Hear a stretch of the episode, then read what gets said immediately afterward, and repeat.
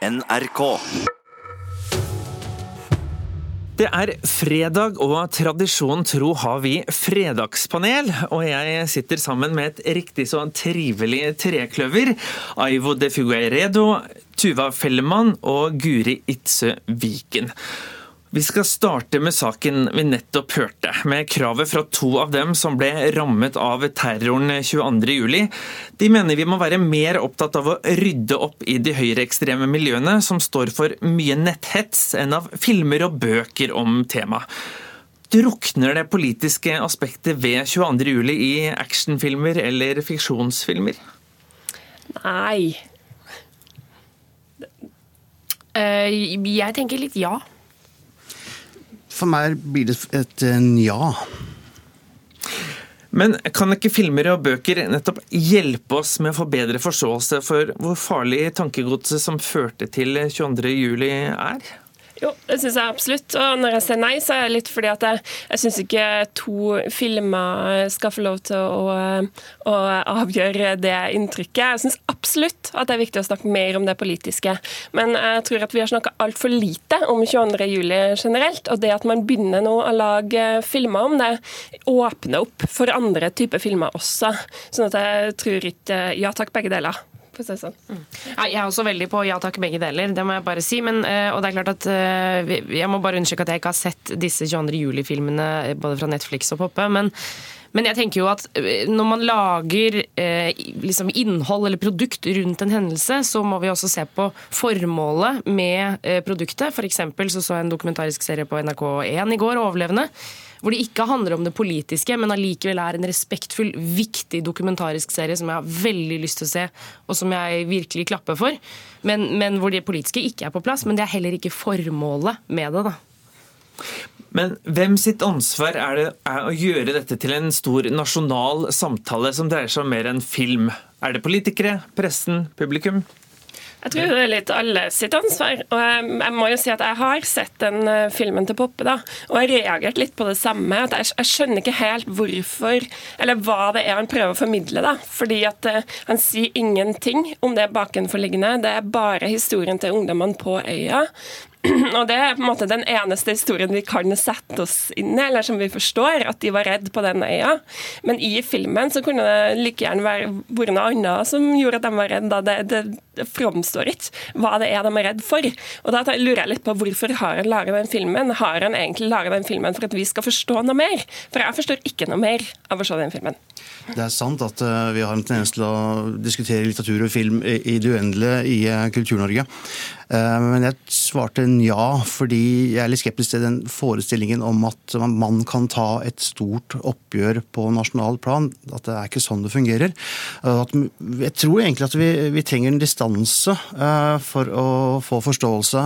og da vet jeg, og tror jeg kanskje litteraturens distanse egner seg mer enn filmens. Men jeg har heller ikke sett filmene, og jeg er blant dem som har valgt å ikke gjøre det. Og Med de ordene må vi sette strek for den diskusjonen, men det skal fortsatt handle om ord og språk. For Språkrådet er bekymra. De mener det norske språket svekkes på nesten alle samfunnsområder, og kan ende med å bli et språk vi bare snakker hjemme om en sier kjøkken eller kjøkken, er relativt eh, lite problem for norsk språk i framtida. Derimot er det et stort problem dersom det er sånn at norsk bare blir brukt nettopp på kjøkkenet. Kommer norsk til å bli et kjøkkenspråk i løpet av noen år? Nei. Nei. Nei. Blir dere ikke bekymra i det hele tatt? Jeg er litt eh, naiv, da sikkert, men eh, jeg tror at den norske litteraturen kommer til å redde språket. For én ting er hva forskerne holder på med, og jeg syns det er ganske idiotisk at de driver så mye med engelsk som de gjør. Men, eh, men norske forfattere kommer ikke til å begynne å skrive på engelsk. ikke sant? Og, og de er det aller viktigste for språket. Så det håper jeg jo de har tenkt på den nye kulturmeldinga òg nå, f.eks. At, at der ligger det noe. Men, Nå er jo ikke jeg forsker, men jeg bare tenker sånn, er det ikke positivt at norske forskere publiserer på engelsk for å rett og slett treffe internasjonalt? Det er jo veldig rart å bruke mange år på forskning, og så bare nei, det er bare Norge som skal få bruke denne forskninga her. Ja, nei, man kan jo, altså Det er et nei, men det er også et ja. fordi eh, Det er bra vi skriver på engelsk, eh, men eh, det jeg er bekymra for, er jo ikke at vi slutter å snakke Ja, for vi skal jo fortsette å prate. vi trenger dette språket, eh, og det vil jo endre seg. Men det blir en Faren er at det blir en større avstand mellom forskningsmiljøer for eksempel, og folk flest. Eh, at man ikke lenger skriver på en måte som eh, folk flest kan lese. Og jeg vil ha én liten ting som jeg nå bruker anledning til å ta opp. Restauranter og barer er jo det store problemet her. Når jeg går ut på restaurant og barer, så blir jeg tilsnakka på engelsk som den største selvfølge. Og da snakker jeg på norsk, og da vil jeg at kelneren skal si 'excuse me, I don't speak Norwegian'. Can we speak English? Og da vil jeg svare ja. Men det gjør det ikke. Så man går rundt i, på flere og flere steder og føler seg litt smådum fordi man Da prøver vi meg inn på det faktum at det er ingen nordmenn som har lyst til å jobbe som servitører og bartendere, for det er altfor dårlige arbeidsvilkår. Så da, tror jeg vi, da må vi snakke litt med fagforeningene først. Men, men jeg kjenner også at det å komme inn på en restaurant eller bar, og hvis noen snakker engelsk til meg, det, det må være ærlig, det gjør meg ikke så mye, altså. Jeg blir litt sånn ja ja, da snakker vi engelsk, da. Sånn er det bare, liksom. Ja, men, men, jeg også er ganske god engelsk, vil jeg si. Men det er ganske mange som ikke er så gode engelsk. og Man får sånn språklig Man blir satt i språklig forlegenhet i en helt vanlig transaksjon mellom mennesker. Så det koster ikke så mye, og det har jeg lyst til liksom si hver gang, men det blir så dumt når jeg sier det, så da lar jeg være. Ja, Det er jeg liksom enig i, og jeg er liksom bekymra for de, alle de her studentene som da blir uteksaminert på universitetet, som har altfor dårlig språk. Så det, Hvis du ikke har godt nok språk, så blir du heller ikke god nok i faget ditt. Så det er egentlig mer bekymra for at de da kommer ut med sånn halvdårlig språk som de skal prøve å formidle kunnskap på. Du snakker om studenter. Er det et skille mellom generasjonene her når det gjelder norsk versus engelsk? Ja, det kan jo hende. At de, at de, men det har jo også blitt ansatt veldig mange internasjonale forskere på universitetene. De har jo en tendens til å prioritere internasjonale forskere over norske forskere. Og de studentene skal jo forholde seg til dem som forelesere, så det er jo et problem det også, tror jeg. Jeg, jeg tenker bare, Nå går jeg tilbake til den barsituasjonen. Altså sånn, jeg, jeg, er litt enig i det med at man kanskje kan slenge ut en unnskyldning. At jeg ikke snakker norsk i denne situasjonen. Men i utgangspunktet så tenker jeg at Norge som et såpass oppegående og rikt og stort land skal si bare ja, vet du hva, vi engelsk det tar vi med glede.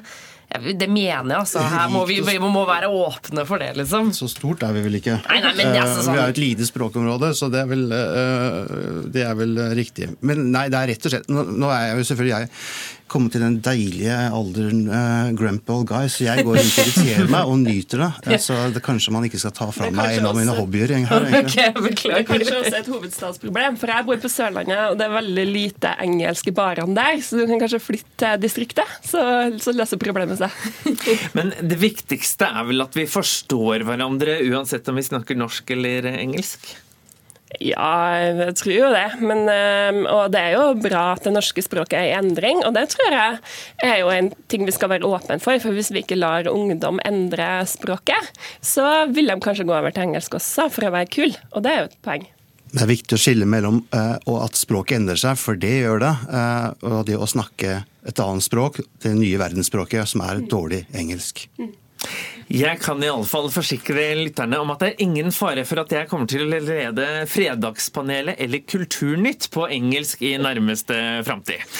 Og fra språk skal vi til spik og sprell, eller rampestreker. For norsk ungdom bruker mye tid foran en skjerm. Men i TV 2-programmet Otto har fått nok, så tar komiker Otto Jespersen med seg tre unge gutter bort fra skjermene og ut for å gjøre ugagn.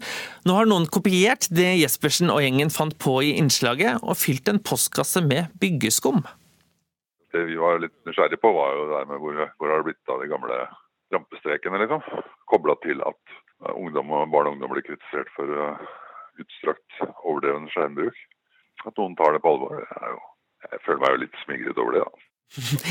Men eieren av postkassa ble ikke like smigra. Han sier at rampestreker er greit, men, men ikke hærverk.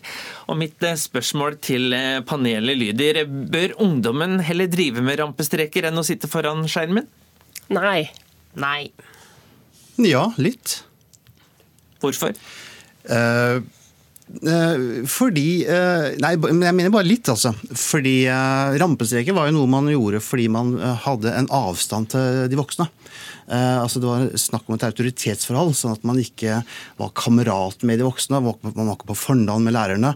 Eh, og det skal vi vel være glad for at vi har tryggere unger, men av og til så ser jeg unger, og jeg har jo et par av dem sjøl, at jeg er litt for trygge. De skjønner liksom ikke at jeg, skjønner ikke at jeg er stor og sterk og skummel. Eh, så, så, av og til så tenker jeg at, de kan, at, det kan være godt av å ha litt mer av den avstanden.